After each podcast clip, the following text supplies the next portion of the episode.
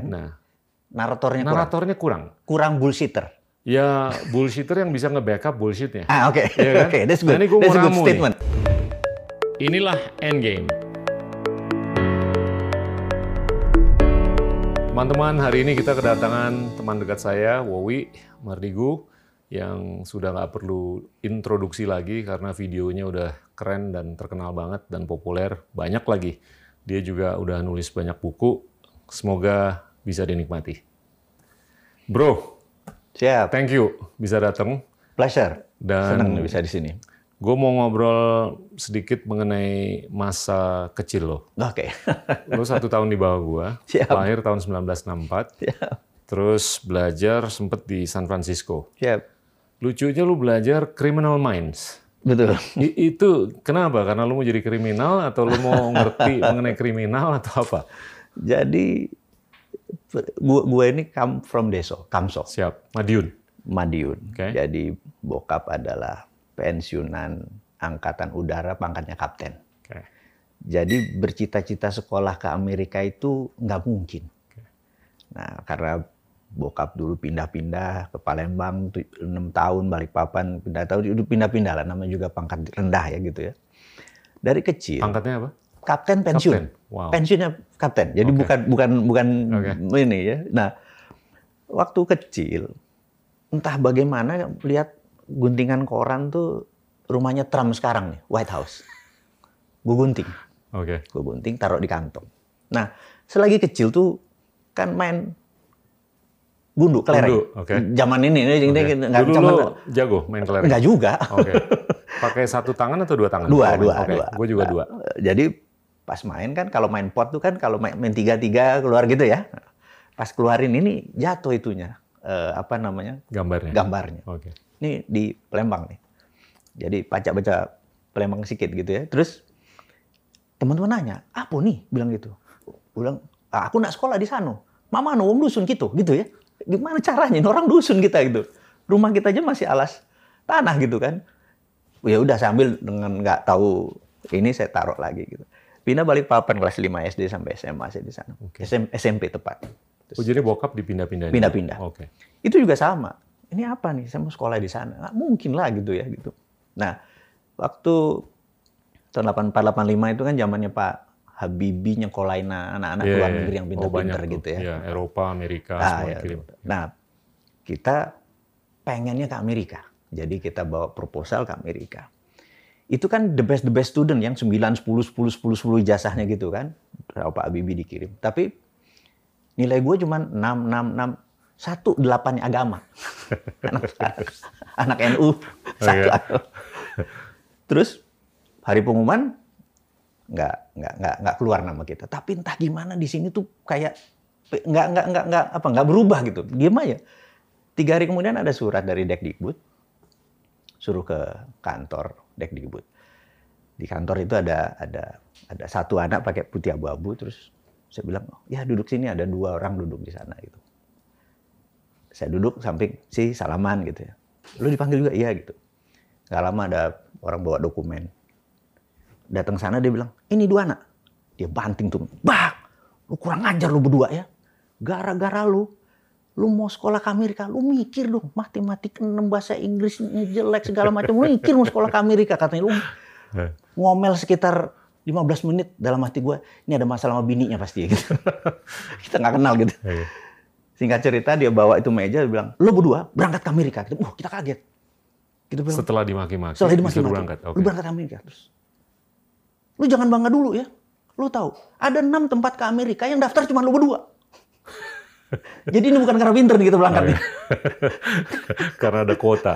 karena ada kuota. Nah, karena Yang nggak kepake lagi karena, kuotanya. iya, karena gitu kita nggak bisa milih. Oke. Bachelor kita adalah eh, Tunggu dulu, ini beasiswa dari pemerintah? Nah, nanti dijelasin itu. Oke. Satu chapter Sorry, lagi sorry, tuh. sorry, sorry. Motong gue. Oke, terus terus. Jadi waktu waktu waktu kita sekolah di sana kita nggak bisa pilih. Jadi bachelornya adalah applied psychology in business. Jadi applied psychology in business itu seperti misalnya kayak kenapa kopi di Starbucks harganya 50.000 ribu tapi orang ngantri di Starbucks gitu ya. Apakah karena kopinya paling enak? Nggak juga. Apakah karena kopinya murah? Nggak juga, mahal juga. Karena brand. Enggak juga ternyata. Oke. Ternyata kursi tingginya 46 cm, meja segala macam ergonomik itu psychological faktornya waktu duduk di sana gek itunya dapat. Itu yang orang nggak tahu bahwa itu psychological factor. Oke. Gitu. Ini kursinya lebih enak daripada di Starbucks sekarang. Nah, ini ini pasti ada yang lebih That's why ini lebih mahal gitu. Oke. Nah, Eh. jadi kemudian waktu eh, lanjutannya nggak bisa milih. Jadi criminal mind and forensic investigator itu nggak bisa milih. Jadi Oke. jadi kita harus masuk ke state penitentiary, ke Oke. penjara kelas kakap, kita interview orang satu dua begitu orang ke 100 saya tahu ini pedofil nih. Karena kan ter- terbaca gitu ya, terbaca. Terus harus ngambil short short course untuk semacam disertasi, bu- bukan doktoral gitu ya. Akhirnya dapat namanya sebuah yang ditunggu memang namanya state sponsor terrorism, disertasi saya. Nah, pulang tahun 91 itu barulah ketemu siapa sponsornya yang ngamuk-ngamuk Pak Jenderal ini. Oke. Siapa yang bayarin ini orang? Jadi yang nyekolahin lo, ini pasti mau ngintelin gua katanya gitu. Wow. Jadi di hari itu saya ikatan dinasnya harus dicopot. Jadi Wow. tidak harus membayar kewajiban. eh, akhirnya kita dekat dengan Shadow itulah sejarahnya, Oke. gitu. Jadi tidak Berapa lama lo di SF? almost six, se- seven years, almost Seven six, years. six something lah. Sampai S2? sampai S2. Sampai eh, tadi tadi dok, bukan doktoral itu kayak kayak short course 6 bulan tapi sekolahnya untuk disertasi karena memang memang harus mengambil itu. Oke. Gitu. Terus balik ikatan dinas langsung dicopot? 10 tahun harusnya. Oke. Hari itu dia langsung dicopot karena tugasnya kan nginteli Pak Beni atau Pak Harto kan. Oh, Oke. Eh, dia bilang yang yang state sponsor terorisme gini. State sponsor terorisme ini gini. Dulu ada tahun 89 terkenal namanya Lauren Kabila. Ya. Lauren Kabila Ya. adalah rebel Kongo. Kongo. Gue pernah ke sana tuh. Masih. Jadi yang di yang di yang dia mencari state Gue sponsor. kedua-duanya. Really? Democratic Oh, Republic sama dan- Republic. Congo. Jadi Brazzaville sama Kinshasa. betul. Nah, di tahun 89 itu eh, dia minta state sponsor. Ya. Akhirnya Kanada yang sponsori eh, Kabila dengan syarat seluruh kobaltnya diambil Kanada sampai akhir zaman. Iya. Ya, itu state sponsor. Jadi Kanada look like negara yang bersih, Hmm. Sebetulnya baik. penjajah sebelumnya itu kan Belgia dan Prancis Yes. untuk dua negara itu. Sejarah Prancis itulah membuat Kanada membantu. See. Merdekanya Oke, dia tahun 91 terus menjadi eh, Laurent Desire Kabila Hmm. presiden pertama. Jadi Kanada itu state sponsor terorisme sebenarnya. Iya. Nah, sekarang ini banyak state sponsor. Jadi dulu ada Libya, dulu ada dan lain sebagainya. Dan eh, sebenarnya ini adalah terorisme tertinggi karena state sponsor. I- derajatnya gitu ya. Tunggu dulu. Hmm. Rewind, rewind. Oke. Ini lu dari kecil emang suka beginian atau begitu lu mendarat di SF aja lu dijorokin ke sini terus tiba-tiba Jadi I don't like the shit sebenarnya.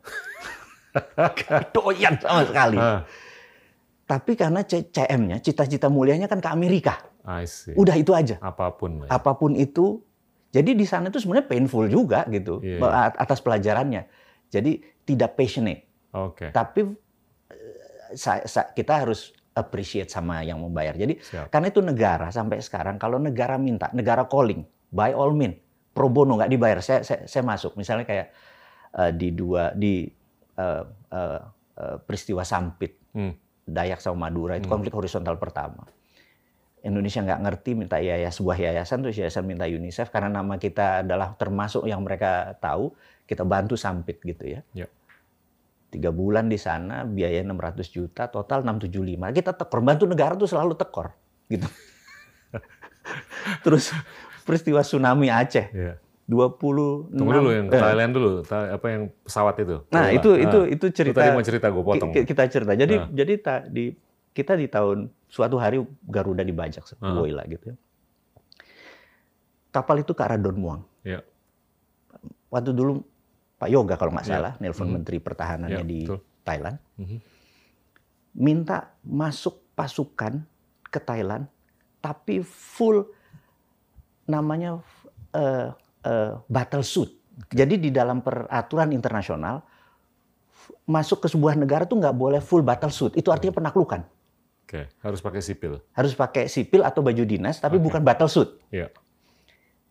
Begitu ditelepon, kan nggak mungkin kita tidak pakai battle suit. Jadi minta izin. Thailand bilang nggak apa-apa. Jadi waktu Kopassus datang itu full battle suit. itu penaklukan harusnya. Hmm. Kalau kita nggak dianggap kakak oleh Thailand, nggak mungkin itu diizinkan. Hmm. Oke, mendarat 6 jam kemudian, 12 jam kemudian selesai sejarah. Sehingga Hmm. Lu, lu Kopassus ikut ke Thailand? Oh enggak enggak, itu Oke. itu itu hanya mau menceritakan bahwa Oke. itu adalah negara bertindak dengan tepat. Siap. Kenapa waktu itu kita di appreciate oleh Thailand? Ya. Nah, di di di di kita lihat sejarahnya ternyata Pak Harto melakukan strategi. Dia membuat Aceh ASEAN Fertilizer Hmm. di mana 40% pupuknya itu dikasih Thailand sama Vietnam. Iya. Sehingga kalau ada shit happen di Indonesia, misalnya musim kemarau, kering segala macam, Thailand sama Vietnam ngirim beras tanpa dibayar. Iya. Dan be- kita jadi kakak, Barter. kakak, jadi Hmm. kakak. Sewaktu peristiwa pe- Sandera di Indonesia kebetulan gua masih di Kemhan, Hmm. kita melakukan operasi untuk s- menye- nolong 10 Sandera di di di Ya. selatan di di Marawi. Mhm. Bintang dua loh dari Indonesia, Maijen, Kopassus, operasi, tuh nggak diterima sama eh, Filipin siapa? Mayor. Wow. Saya bilang gila gitu? loh, nggak dihargai Indonesia. Hah. Nggak tahu nih, kayaknya pemerintah sekarang nggak ngerti cara mengelola negara ini. Maaf, ini bukan. Eh, saya cuma bilang betapa dulu penuh dengan desain, penuh dengan itu sekarang Mungkin emailnya salah kali. ah mungkin ya. Ini atau jenderalnya hilang ke mayor ya udah sana terimanya mayor gitu. Nah, nah, nah. Tapi nih, gue gue mau ngambil, gue mau metik sesuatu nih. Lo tuh nggak pernah ada cita-cita mau belajar mengenai criminal minds, kayak terorisme atau apa, tapi yang membentuk perjalanan lo Hmm. selama ini, ini sebetulnya nurture bukan nature. Nurture, agree. Iya kan? Agree. Ibarat kata kalau kemarin lo ketemu orang yang nyodok lo ke pojok untuk belajar mengenai kehutanan, Iya, iya, iya. lo mungkin pakar kehutanan sekarang. Mungkin jadi orang hutan gua. Iya kan? Nah, sejauh mana lu mengatribusikan nurture ke kegagalan ataupun kesuksesan lo? Kayaknya man-made. Sukses itu man-made. Banyak ya. Ban- Oke. Nurture banget. So you're not born to be a leader, but you learn to be a leader. Setuju. Setuju. Setuju. Oke, Setuju. oke. Terpaksa malah. Iya, iya. Karena self karena self defense kan. Iya. Kita harus appreciate negara sudah bayar kita walaupun berat tapi karena kepaksa itu kan reputation. Iya. Kan keunggulan kata Socrates tidak ada, yang ada hanya Iya. reputation. Iya. Jadi once kita repeat repeat repeat ya kita unggul juga gitu. Iya. Walaupun kepaksa. Nah, kalau umpamanya lu dulu sekolah yang ngajarin lo untuk lebih ke sayap kiri, Hmm. mungkin nggak sih lu berontak untuk mengsentralisasikan diri atau menyayapkan kanan diri? Ah, menurut gua, Ini dari batin aja, gue iya. pengen tahu. menurut gua people doesn't change. Oke. Sekali gua ngelihat barat, gua akan barat sampai mati. Cuman begitu wisdom gua ada, perspektif gua melebar aja. Tapi Hmm. gua nggak mungkin ke timur. Gitu. Oke. Artinya ada beberapa hal di mana lo terpengaruh oleh lingkungan, Betul. tapi ada beberapa hal yang harus yang kayaknya fix gitu ya, Betul. baku lah ya. Betul. Oke. Apa hal-hal yang baku di diri lo? Lo mau ditaruh di hutan kek, mau di laut kek, mau di San Francisco atau di mana yang nggak berubah dari kecil sampai sekarang? Gua tuh cinta Indonesia. Oke. Jadi Lo nggak kayaknya perlu ngomong begitu loh, hanya karena lo di show ini. no. itu confirm. Oke, Itu- gue itu- juga cinta banget sama Indonesia. itu. Oke. Jadi eh, nggak dan nggak pernah lelah mencintai Indonesia walaupun pemerintah yang sekarang ini m- megelin hati gitu ya. Oke. Kita doakan yang terbaik pokoknya. Iya, semuanya. makanya kita ber- Ya. terus karena karena ada yang menarik di di, di. Indonesia itu jadi salah satu blessing gua di dalam berdoa atau bersyukur itu adalah dilahirkan di Indonesia. Oke. I- Itu yang yang itu yang yang nggak pernah eh, nggak akan pernah berubah Oke. gitu. Apa alasannya? Kenapa lu ngerasa blessed dilahirkan di Indonesia? Eh, Bukan di Singapura, bukan di Norway, bukan di Amerika atau di New Zealand. menarik ini. Jadi salah satu kelu salah satu wari saya gua dilahirkan di di Indonesia di sebuah keluarga kecil Hmm. yang yang dari sisi bapak gitu ya. Ya. Yang kami terlahir sebagai turunan pandai besi. Eh, pandai besi. Jadi udah turun temurun turun temurun gitu. Nah, selalu eh, ada cerita sebelum tidur ini folklore kali ya Hmm. cerita sebelum tidur bahwa dulu dulu ada pesan dari dari eh, mbah-mbah kita Siap. bahwa pada saat penjajahan masuk itu bukan mau ngambil spice atau rempah, tetapi mau ngambil budaya logam, kata dia gitu. Saya bilang, oh ya, gitu. Ini dari, dari kecil dengan bahasa Jawa gitu. ya. Budaya logam. Budaya logam Nusantara tuh tertinggi di dunia. Untuk membuktikan misalnya dengan alat musik. Hmm. Tertinggi itu kan sudah teknologi terus musik kan, budaya kan tertinggi. Jadi Eropa alat musiknya terbuat dari apa? Kayu. Kayu, Hmm. senar gitu kan, Senar, biola gitu kan. Hmm. Gitu. Ke Timur Tengah alat musiknya terbuat dari apa? Kayu juga. Ada kulit. Ada, iya, ya, ada kulit. Benar. Ke mana? Cina Cina, kayu, senar, ada besi juga, seruling, bambu. Ya. Mhm. Tapi ada nggak yang sejak seribu tahun yang lalu musiknya gamelan, gong, dan segala macam? Itu budaya logam kita tinggi sekali. Oh iya. Itu budaya logam. Nah, budaya logam yang tinggi tadi itu akan diambil oleh penjajah itu. Nah, karena itu Sunan Bonang menyatakan Hmm. sebuah du- dua perintah. Perintah itu sangat terkenal sekali namanya apati geni, perintah mematikan api. Ya. Begitu budaya api mati, maka budaya logam kita tenggelam. Ya. Perintahnya menarik. Nanti tinita sabdo sumuruping geni, perintah menyalakan api, Mhm. itu 17 turunan setelah Bonang. Wow. It happen sekarang turunan ke-17 Oh ya. Ngitungnya Jadi- dari kapan tuh? dari Sunan Bonang. Terus saja turunan 17 anak itu. turun. Oke. Tujuan bisa dari Sunan Muria, pokoknya dari para sunan diturunin itu sekarang 17. Ya. Karena itu waktu Sunan Bonang tuh abad ke-14 atau 15? 14. 14 sekian gitu ya. Hmm. Nah, itu turun. Sekarang 17. Jadi Ya. dari dulu kita dibilang ini masa jaya-jaya yang kita lagi nih. Sumur ruping geni, perintah nyalain api sudah mulai dinyalain. Tam, itu kan sanepo, sebenarnya itu kan kiasan kan. Hmm. Ini jadi membuat kita jadi oh iya nih gitu bangsa besar. Membuktikan bangsa besar itu kita tahu bahwa bumi ini muter Bentar. udah berapa miliar tahun, bener nggak? Empat setengah miliar. Kecuali yang percaya flat earth, bener nggak? Iya. Ya, kita kan bukan percaya. percaya flat earth, bener nggak? Iya. kita bumi muter. Kalau kita ada bola plastik, kita kasih glitter, terus kita puter, Iya. maka hukum alam akan muter di tengah itu. Iya. Jadi dalam putaran sekian lama itu membuat seluruh mineral tuh ada di muka bumi Indonesia karena panjangnya kalau tulistiwa kita. Iya. Jadi kita sudah tahu bahwa kalau dulu di ada tabel periodik tuh, Iya. yang hari libur nanti kita Iya. rebus, rebus kubis Prancis ingat nggak? Lu pada lupa semua. Lupa. Besok minggu cari Iya, sih bagian itu ada, Iya. itu semua ada I di Indonesia. hated chemistry. Ini tep- Iya. Tapi that's part of science. Iya. Jadi kita I love science, but I hated chemistry. Oh gitu ya. nah, kebetulan itu yang paling tinggi. Harusnya gue masuknya bukan eh, sosial loh, harusnya. Itu bawah sadar itu ya. Iya, iya. Karena running on the family. Tapi nilai sekolah sih jelek gitu. anyway, terus eh, eh, jadi kita mengerti bahwa di dalam nikel Indonesia misalnya beda dengan nikel di seluruh dunia, nikel kita itu Setuju. mengandung Li karena itu disebutnya nikel laterite. Iya. Tapi yang dibayar hanya nikel, Ya. Li-nya nggak dibayar Hmm. gitu ya. Nah dikasih CO, dikasih kobalt itu menjadi baterai, Hmm. gregetan nggak? Kenapa dibuatnya mesti ke Cina? Kenapa di Betul. sini cuma dan lain sebagainya? Tapi udah mulai kan, penambahan nilai udah mulai. Agree. Nah itu Iya. yang membuat kita bilang, oh Jadi ini kita mau mungkin capture semaksimal mungkin. ini Ya. mungkin sumur pinggeni Iya. gitu. It- Itu itu Oke. kode. Jadi saya exciting gitu sekarang Oke. ini gitu. Oke, tanda-tanda ya. Tanda-tanda gitu. Oke. Tadi siang gue ngobrol lama sama Prof. Emil Salim. Dia juga agak-agak nyerempet ke omongan-omongan lo mengenai sejarah kita gimana. Dan sedikit menyinggung apa namanya ahli matematika atau ilmuwan namanya Al-Khwarizmi. Oke. Itu dia lahir tahun 790 sampai tahun 850 lah.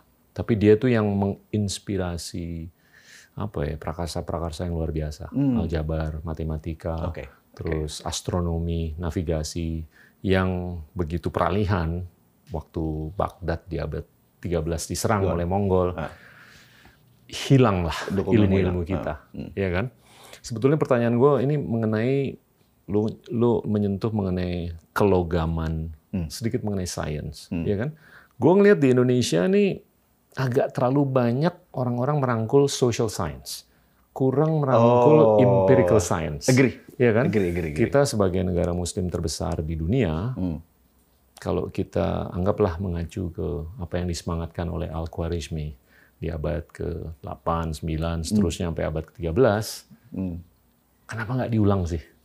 Ya kan? Rangkulan-rangkulan science atau empirical science. STEM sekarang namanya kan, science, technology, engineering, mathematics. Betul, Nah, betul. Supaya kita bisa lebih meningkatkan produktivitas, efisiensi, dan Bang- bangsa penambahan besar, nilai. bangsa besar pasti teknologi go-nya. Goes teknologi. Iya, Bener nggak? iya. What apa nama Indonesia sekarang? Kalau menurut gue sih sekarang agak-agak masih ketinggalan. Kalau kita lihat dari sisi pendidikan, terus penguasaan Ah, teknologi dan segalanya. Tapi pendidikan. gue sih optimis kalau kita benar-benar tekuni, eh, Tapi dalami. bu- buku itu sedikit loh. Eh, Hmm, lu hobi baca. ya, ya, Pilihan itu tuh nggak banyak loh. ya. Pilihan Maksudnya, apa? Pilihan membaca buku-buku teknologi sains tuh nggak sebanyak buku yang Iya, benar, benar. social science lah. Atau mungkin Nggak ekonomi. juga, nggak juga. Really? Tapi kalau lu kalau mau tidur lebih gampang baca buku sains daripada buku social science. Eh, nggak, karena, karena ngantuk. Iya kan? Gue rasa itu yang apa yang sistemik. Iya, iya, iya. kendala iya. sistemik. Kenapa orang tuh nggak mau baca eh, dan kalaupun suruh baca juga nggak mau baca buku sains. Lebih baik baca buku cerita Iya, iya, iya. atau baca Karena- buku social science. Karena narasinya lebih enak. Exactly. Lu you're you're one of the more popular narrators di Indonesia. Lu videonya udah ratusan. Gue selalu ngelihat Indonesia nih narasinya keren banget tapi naratornya kurang. Oh, oke. Nah, Narasinya keren, nah naratornya kurang. naratornya kurang. Kurang bullshitter. Ya bullshitter yang bisa nge-backup bullshitnya. Ah, oke. Iya kan? Oke, that's Nah, good. ini gua that's mau a good ramu nih. statement. That's a good statement. Gua mau ramu kepentingan kita untuk mengedepankan ilmu alam sama kepentingan kita untuk membuahkan narator sebanyak mungkin. Gue pengen tahu pandangan lu gimana sih mengenai hal-hal seperti itu. Eh, ada dua orang yang saat ini menjadi acuan gua karena kan gue hobinya baca, as you know, gue hobi Hmm. baca. Jadi buku di bawah bendera revolusinya Pak Karno, itu waktu gue baca, itu bener-bener kayak, dia menulis itu bener-bener kayak novel. Cara Pak Karno menulis. Jadi kita langsung larut gitu, dia masuk, dia ngelihat cewek ini keangkat satu. Kita terima, walaupun cuman ini loh, belahan. Dia, dia tapi dia tulis di buku seperti bukunya Hitler, Mein Kampf, eh, Perjuanganku. Terus eh, di zaman modern ini, eh, gua nggak bisa tidak mencintai orang ini yang namanya Obama. Gila speechnya. Ya, top. Dia bisa apa ya? Akhirnya gue belajar bahwa ini ada bukan ilmu baru, tapi gua ambil sendiri karena latar belakang applied psychology itu, oke bisa gua tarik sini, bisa gua tarik sini. Jadi kelebihan dua orang ini versi gua adalah mereka adalah imajinatif naratif. Hmm. Jadi waktu dia melakukan narasi, orang berimajinasi. Jadi teater of mind-nya main. Ya. Gitu, teater of mind. Jadi banyak orang yang bernarasi, misalnya oh, maaf ya, sholat Jumat gue denger Ustadz ngomong, begitu ditanya e, bini gue, tadi ceramahnya apa? Nah itu "Eh, dia. Karena narasi saja, tidak berimajinasi kitanya Betul, gitu ya. betul. Nah, Obama termasuk eh, orang yang gua idol gitu ya. Ya. Jadi hampir setiap dua malam sekali gue cari the last speech of Obama, Hmm. ini Obama ngomong dan eh, kita apa gua, apa gua adore gitu ya. Jadi Ya. gue pengen belajar dari dia jauh. Dan Pak Karno juga video-video Ya. kan sekarang kita ah, untung ada video gitu ya. Jadi kalau ditanya tadi eh, eh, narasinya, gue bener-bener pengen eh, mungkin gue kalau diperkenankan adalah eh, eh, menjadi imajinatif narator Oke. untuk kepentingan mempromosikan Lu udah cukup Indonesia. efektif lu. Is Karena lu kalau tiap cerita, muka lu nggak nggak ada kan di video. Oh iya kan, Itu kan kan jelek udah- muka gua, jadi kan gua dan malu. itu tanpa muka lu aja lu udah bisa memicu orang, memprovokasi Hmm. orang untuk berimajinasi. I see, I see. Ya kan? oke. itu kalau oke. menurut gua mencerdaskan, I see. ya kan? Supaya orang bisa stretch the imagination. Betul, Tapi betul. gua gua mau rewind dikit deh, balik ke Obama. Being the devil's advocate, ya. Siapa nih? Banyak kritikan mengenai Obama adalah pidato tuh nggak menjawab segalanya, Agree. ya kan? Ujung-ujungnya lo harus bisa korelasikan ke aksi. Nah, dia termasuk yang mana nih? Kalau menurut gua banyak yang tetap ngeritik dia. Dia ya dia mungkin pidatonya oke banget. Tapi banyak hal-hal yang dia bisa lakukan tidak dilakukan selama 8 tahun. Good. Oke. Agree. Kalau gue sih mungkin agak-agak bisa berdebat eh, di di topik itu ya. Hmm. Tapi salah satu yang dikritik oleh banyak orang, khususnya yang di sayap kanan, Hmm. adalah mungkin dia menggelembungkan defisit. Tapi kalau gue lihat Republik pasca Obama lebih menggelembungkan defisit. Iya. Ya waktu itu kan dia menggelembungkan defisit karena pencetakan uang atau Hmm, quantitative hmm, easing 2009 ke ke ke atas. Ya karena shit happen kan 2008-nya. Iya. Dan yang kedua mungkin dia ini bukan dari sayap kanan tapi dari beberapa sumber atau sudut dia mungkin kurang mengeluarkan regulatory oversight yang ketat terhadap sektor perbankan. Setelah dia lakukan rekapitalisasi, dia kurang ketat supervisinya dan segalanya. Dia Sehingga bukan itu, terjadilah Betul. pemborosan, kesembronoan di Wall Street, di mana Wall Street nggak ketemu dengan Main Street, Setuju. ya kan? Setuju. Setuju. Ya kalau Dan yang gua- parah menurut gua, Hmm. Obama adalah sewaktu dia Obamacare itu membuat pharmaceutical menjadi ya jadi kalau sekarang Ya. Di belakangnya COVID adalah pharmaceutical yang sakit hati, kita nggak nggak nggak heran gitu. ya. dia terlalu darling kan waktu itu. Sementara eh, Trump saat ini menebas itu semua kan gitu. Ya, Ya, gue bilang wah ini dia take a side ini di di di, di bernegaranya gitu kan. Betul, Harusnya betul. bernegara kan nggak ada take a side ya, nggak ada. Ya IPO, Lexus, Bud Hankam ya udah rata. Ya. Jangan satu yang lebih gitu. Ya. dia, dia waktu itu melakukan itu. Ya, Anyway, tapi yang saya pikir adalah eh, kita belajar banyak. Kita Oke. ambil Nggak, bagus-bagusnya tapi, aja. Tapi gue pengen balik ke lo nih. Oke. Lo tuh sebetulnya cukup bisa menjadi imaginative narrator, ya kan? Tapi gimana supaya Indonesia tuh bisa me, apa ya, memass produce narator-narator? Karena yang bikin gue sebel tuh kalau kita keluar negeri, orang tuh lebih seneng ngobrol mengenai India, Tiongkok. Agree. Iya kan? Kalau India, gue paham lah karena mereka jago ngecap. Hmm. Iya kan? Dan they like to argue for the sake of arguing, bukan for the sake of the substance. Iya, betul. Iya kan? Kalau China, ya karena mereka produsen, bargain. they're the factory of the world, Iya. ya inevitably mereka harus diperbincangkan. Ya. Negara kecil Singapura yang populasinya cuma lima setengah juta itu jadi topik pembicaraan bahkan Hmm. bisa apa ya me- me- menyinarkan soft power yang jauh lebih banyak daripada kita. Padahal kita gila loh 270 juta, Agree. third biggest democracy, fourth most populous country. Agree. Kurang narator kan? Gimana supaya ada 100 narator? Dia bisa ngajar di sekolah yang keren di Eropa, di Jepang, di Tiongkok, Australia, Amerika. Dia bisa menemukan sesuatu yang keren banget, yang bisa diperbincangkan oleh dunia. Tanpa mengurangi rasa hormat ke bangsa Indonesia. Hmm. Budaya Indonesia tuh budaya pitutur. Pitutur. Bertutur. Ya, Bukan budaya baca. oke. Jadi bagaimana membuat budaya kita baca dan pada saat baca dia ininya main kan. Ya, Nah, kita harus mempromosikan membaca, Hmm. tapi dari yang sederhana dulu. Jadi ke- kebiasaan misalnya all presiden Amerika atau first lady-nya selalu datang ke TK-TK bacain. Nah, apa kita harus buat gerakan Indonesia membaca kali ya?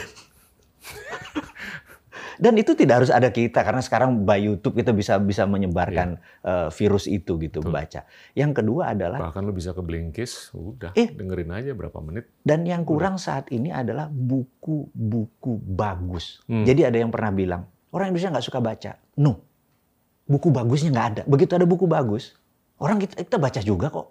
Gue kurang sependapat. Really? Gue kalau ke toko buku tuh gue nggak nyari topik yang gue suka. Nyari yang apa jadi? Random. iya. Bahasa Indonesia apa bahasa Inggris nih? Bahasa Indonesia, bahasa Inggris. Rasanya bahasa Indonesia ada ada ada ada ada yang Ya kalau bahasa Nggak. Indonesia mungkin agak-agak bias ke sejarah kalau gue beli buku. Ya kan? Tapi kalau bahasa Inggris gue ke toko buku gue random kalau aja begitu. kalau bahasa Inggris. Itu mengenai physics kayak, mengenai sociology Nah, atau mengenai i- apa itu gue baca. This is interesting. Kita sama-sama penggila baca. Hmm. Kalau kita datang ke toko buku, anggap toko buku yang ada di Indonesia begitu baca, ki- kita kita suruh nyari sendiri referensinya. Iya. Tapi kalau kita di Times atau di Singapura deh, kita, oh itu langganan. Begitu datang, bosman datang, dia udah tahu. Dua yang ngawal. Uh, I need a geopolitik book. Oke, have you read this Fire about Trump? How how be- dia become narcissism dan lain sebagainya. Ya. Oke. Apa isinya? Dia cerita. Terus kalau gue baca ini Ini di toko bukunya di toko dia. bukunya, dia mereferensikan. Wow. Jadi kita kalau di Indonesia nyari Gue nggak buku. pernah digituin. Hmm. Oke. I mean, you're you're getting better service than I do. Jadi kalau ke sana kita nyari knowledge. Oke. Kalau ke Indonesia kita nyari buku. Iya. Makanya dia bilang, "Kak, lu udah baca Asian Water nggak? This is how China become strong karena menguasai water, katanya. What? Tell me isinya. Dia cerita gini, gini, gini, gini. Oke, I buy this book. Ngerti nggak maksudnya? Jadi, eh, apa ya, yang penjaga bukunya itu dia baca bukunya dan kita dikasih knowledge. Iya.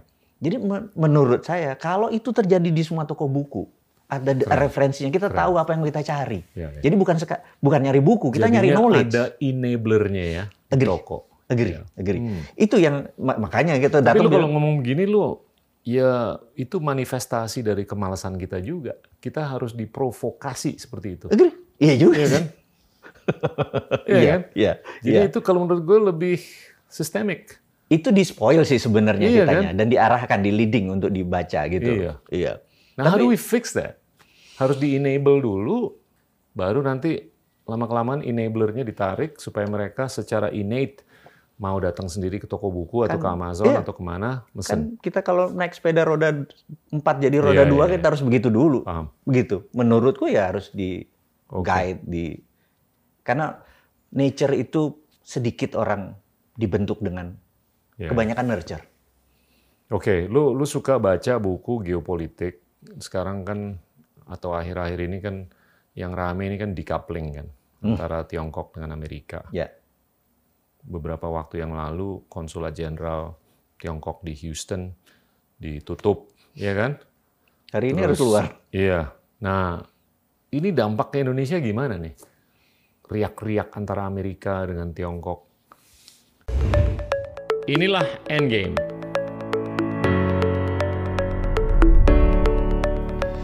Memang kayak ah ini apalagi nanti gua Oke. ini gua bermasalah nanti Ya. gitu ya. Saya bilang sahabat saya Pak Dahlan Iskan saya bilang, "Pak, izin Pak, Bapak punya kekuatan udara nih kenceng, Pak. Hmm. Boleh nggak saya